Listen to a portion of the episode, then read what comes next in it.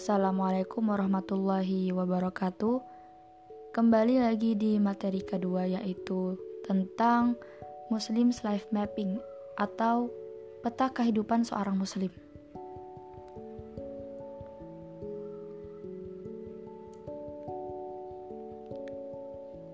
Kalau kita berbicara tentang peta kehidupan, tentu kita berbicara tentang kehidupan. Di kehidupan itu ada apa? Ada makhluk-makhluknya Allah. Contohnya misalnya seperti manusia, hewan, tumbuhan. Nah, antara kita, manusia, dan hewan pasti terdapat persamaan. Seperti butuh makan, eh, butuh menikah, marah kalau diganggu, dan juga mereka uh, sama-sama punya insting ya sesuatu untuk membuat kehidupan survive. Karena kehidupan harus terus berjalan. Lalu perbedaan antara manusia dan antara uh, hewan itu apa? Kalau hewan itu merespon berdasarkan insting saja sedangkan manusia itu merespon setelah menggunakan akalnya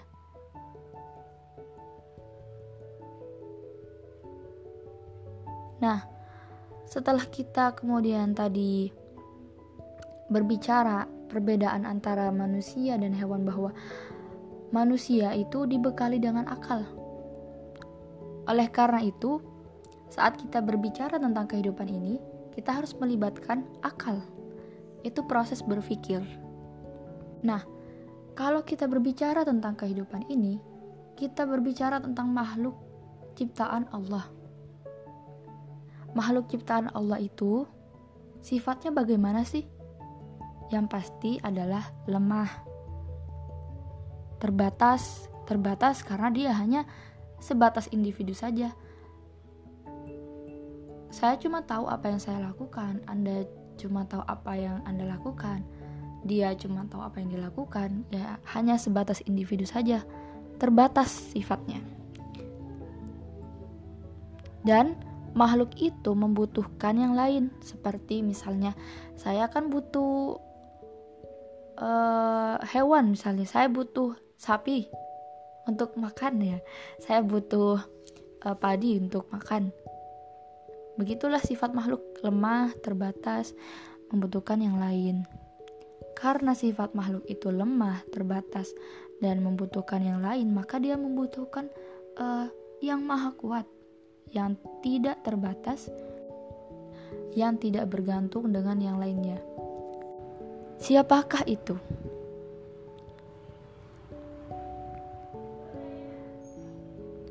Tentu adalah Allah Subhanahu wa Ta'ala. Allah Sang Maha Pencipta.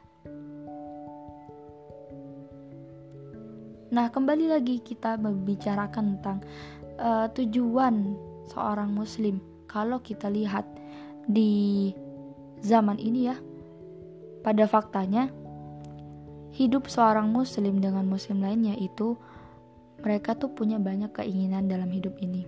Satu itu pengen dapat uang banyak, satu, satu itu cuman pengen bisa makan aja, yang penting mah bisa makan gitu katanya.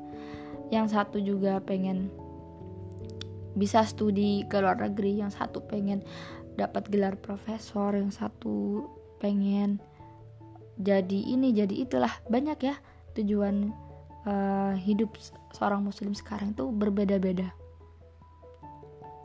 Dan benarkah seperti itu? Tujuan kehidupan seorang muslim sama-sama muslim tapi tujuannya berbeda. Lalu Pertanyaannya adalah apa tujuan hakiki bagi seorang muslim? Yang pertama kita harus mengenal apa itu uh, tentang Uqdatul Kubro Yaitu tiga pertanyaan mendasar.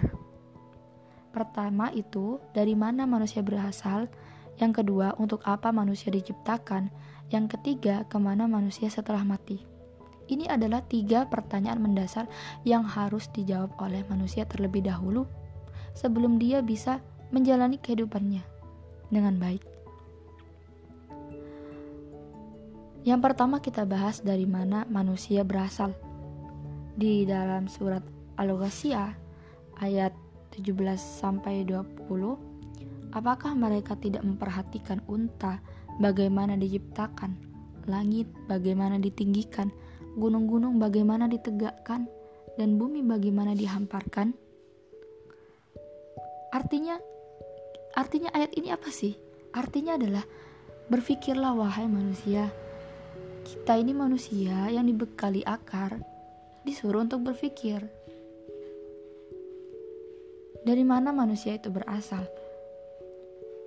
Coba kita lihat sekeliling kita. Apakah mungkin planet-planet yang telah diciptakan dengan keteraturan itu tidak ada asalnya atau ada hanya dengan begitu saja? Apakah mungkin manusia yang mulia ini berasal dari kerah yang katanya teori Darwin itu? Surat Al-Qiyamah ayat 36 sampai 40. Apakah manusia mengira bahwa ia akan dibiarkan tanpa pertanggungjawaban? Bukankah dia dahulu setetes mani yang ditumpahkan ke dalam rahim, kemudian mani itu menjadi segumpal darah, lalu Allah menciptakannya dan menyempurnakannya. Jadi jelas di sini ya, Allah menciptakannya dan menyempurnakannya. Dari mana manusia itu berasal? Ya dari Allah. Jadi tidak ada namanya teori bahwa dulu manusia adalah seekor kera. Tidak ada. Karena Allah yang menciptakan sendiri manusia itu dari setetes mani yang ditumpahkan ke dalam rahim. Lalu di surat Az-Zariyat dan di dalam dirimu terdapat tanda-tanda kebesaran Allah. Tidakkah kamu memikirkan? Seperti seperti keteraturan yang ada di dalam tubuh kita misalnya ya keteraturan bagaimana kita bisa uh, bernafas gitu ya bagaimana kita bisa uh, merasakan detak jantung di dalam diri kita apakah kita bisa memberhentikan uh, otomatis gitu ya, seperti saklar mau mati dulu mau hidup dulu. Kan enggak ya? Itu Allah yang ngatur semua. Itu semua Allah yang ngatur.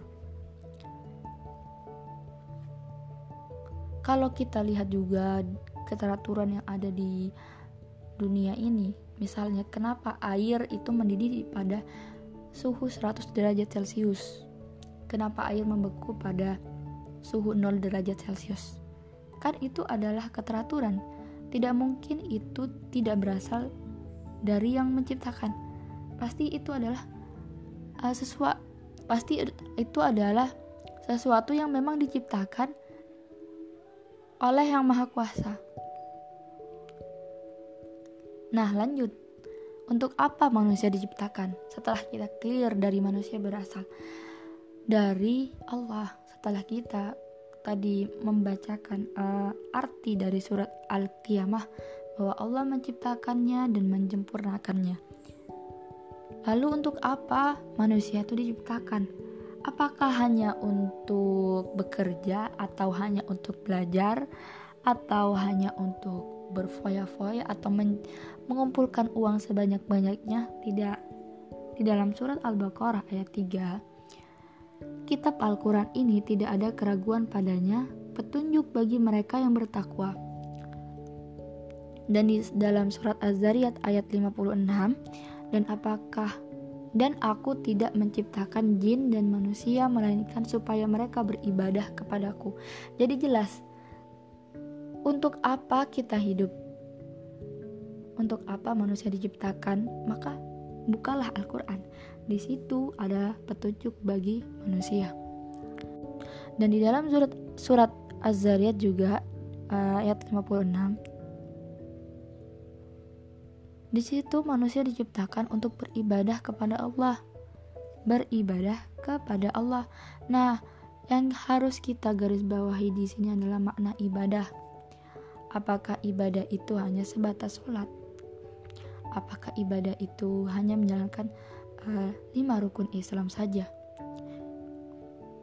Jadi ibadah itu adalah taat kepada Allah, tunduk dan patuh kepadanya, terikat dengan semua aturan dalam agama.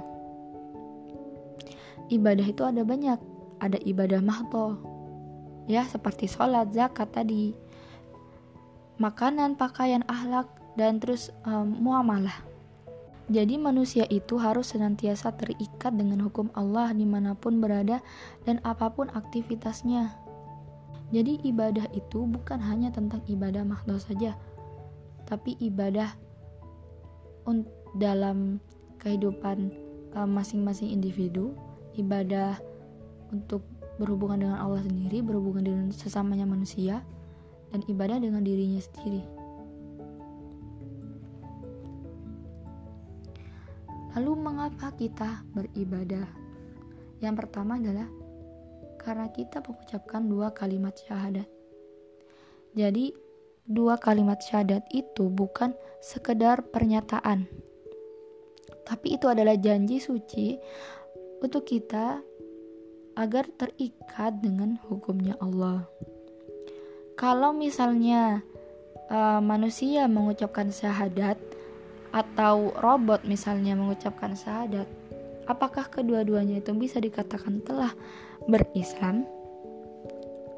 Apakah bisa dikatakan bahwa robot itu telah masuk ke dalam Islam? Jawabannya tidak, karena dia tidak menyadari apa yang dilakukan. Dia tidak mengetahui kenapa dia berislam.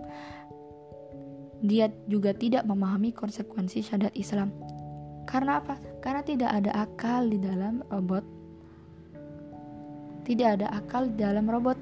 Tidak ada proses berpikir di dalam robot dia tidak mengatakan itu secara sadar begitu.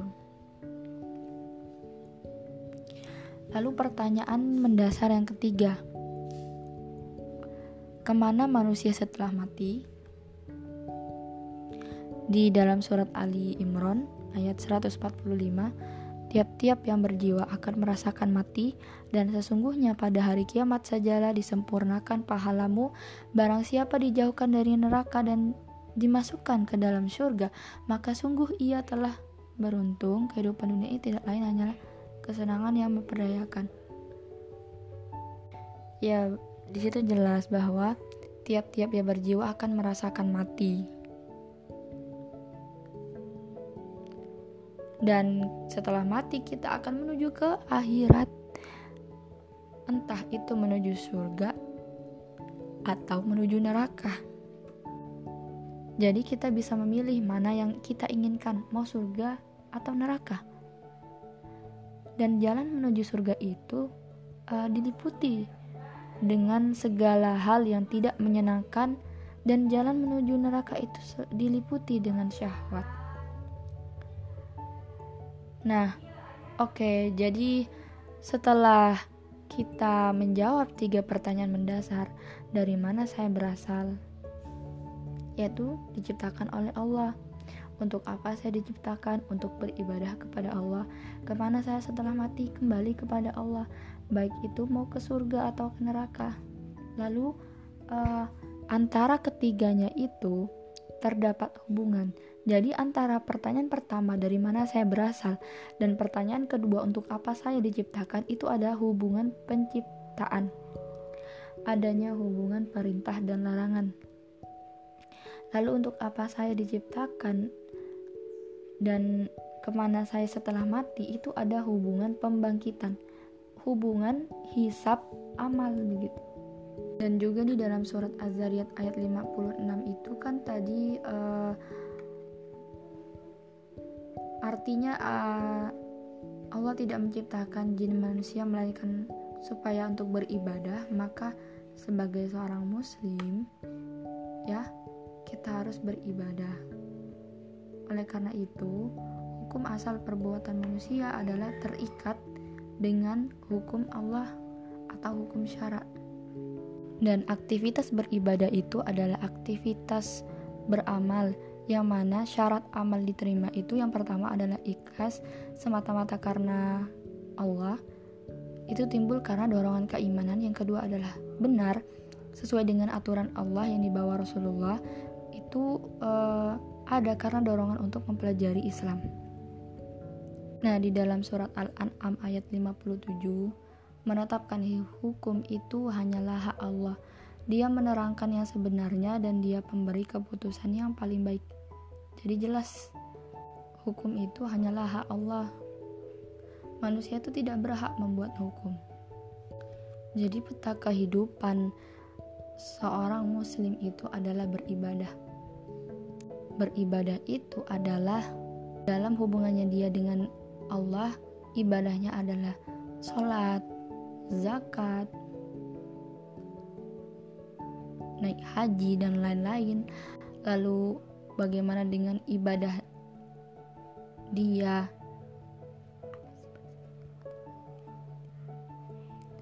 Lalu ibadah antara hubungan dirinya dengan dirinya sendiri itu seperti misalnya menutup aurat e, makan makanan halal dan haram kemudian ibadah tentang bermuamalah atau berhubungan dengan orang lain itu misalnya jual beli kesehatan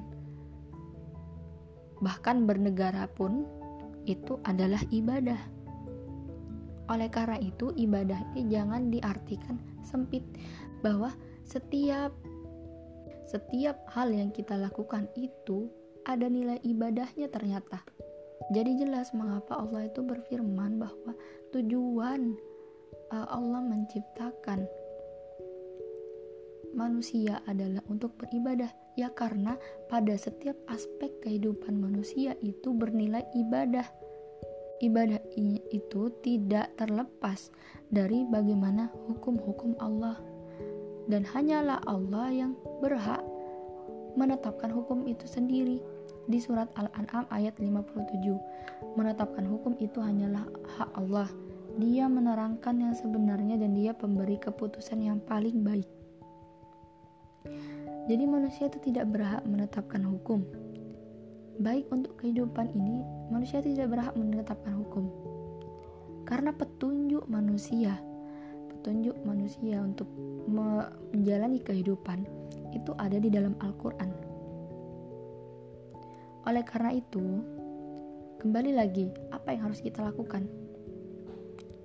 Itu dengan mempelajari Islam. Karena dengan mempelajari Islam, kita akan mengenal Islam, mengetahui hakikat kehidupan, menjadi pribadi Islam yang tangguh, mampu berpikir cemerlang, dan Islam itu dijadikan uh, uh, the one the only way. Lalu ketaatan pada hukum Allah juga itu butuh ilmu. Untuk taat kita butuh ilmu. Dan ilmu agama ilmu sakofa Islam sifatnya fardu ain sekian terima kasih. Wassalamualaikum warahmatullahi wabarakatuh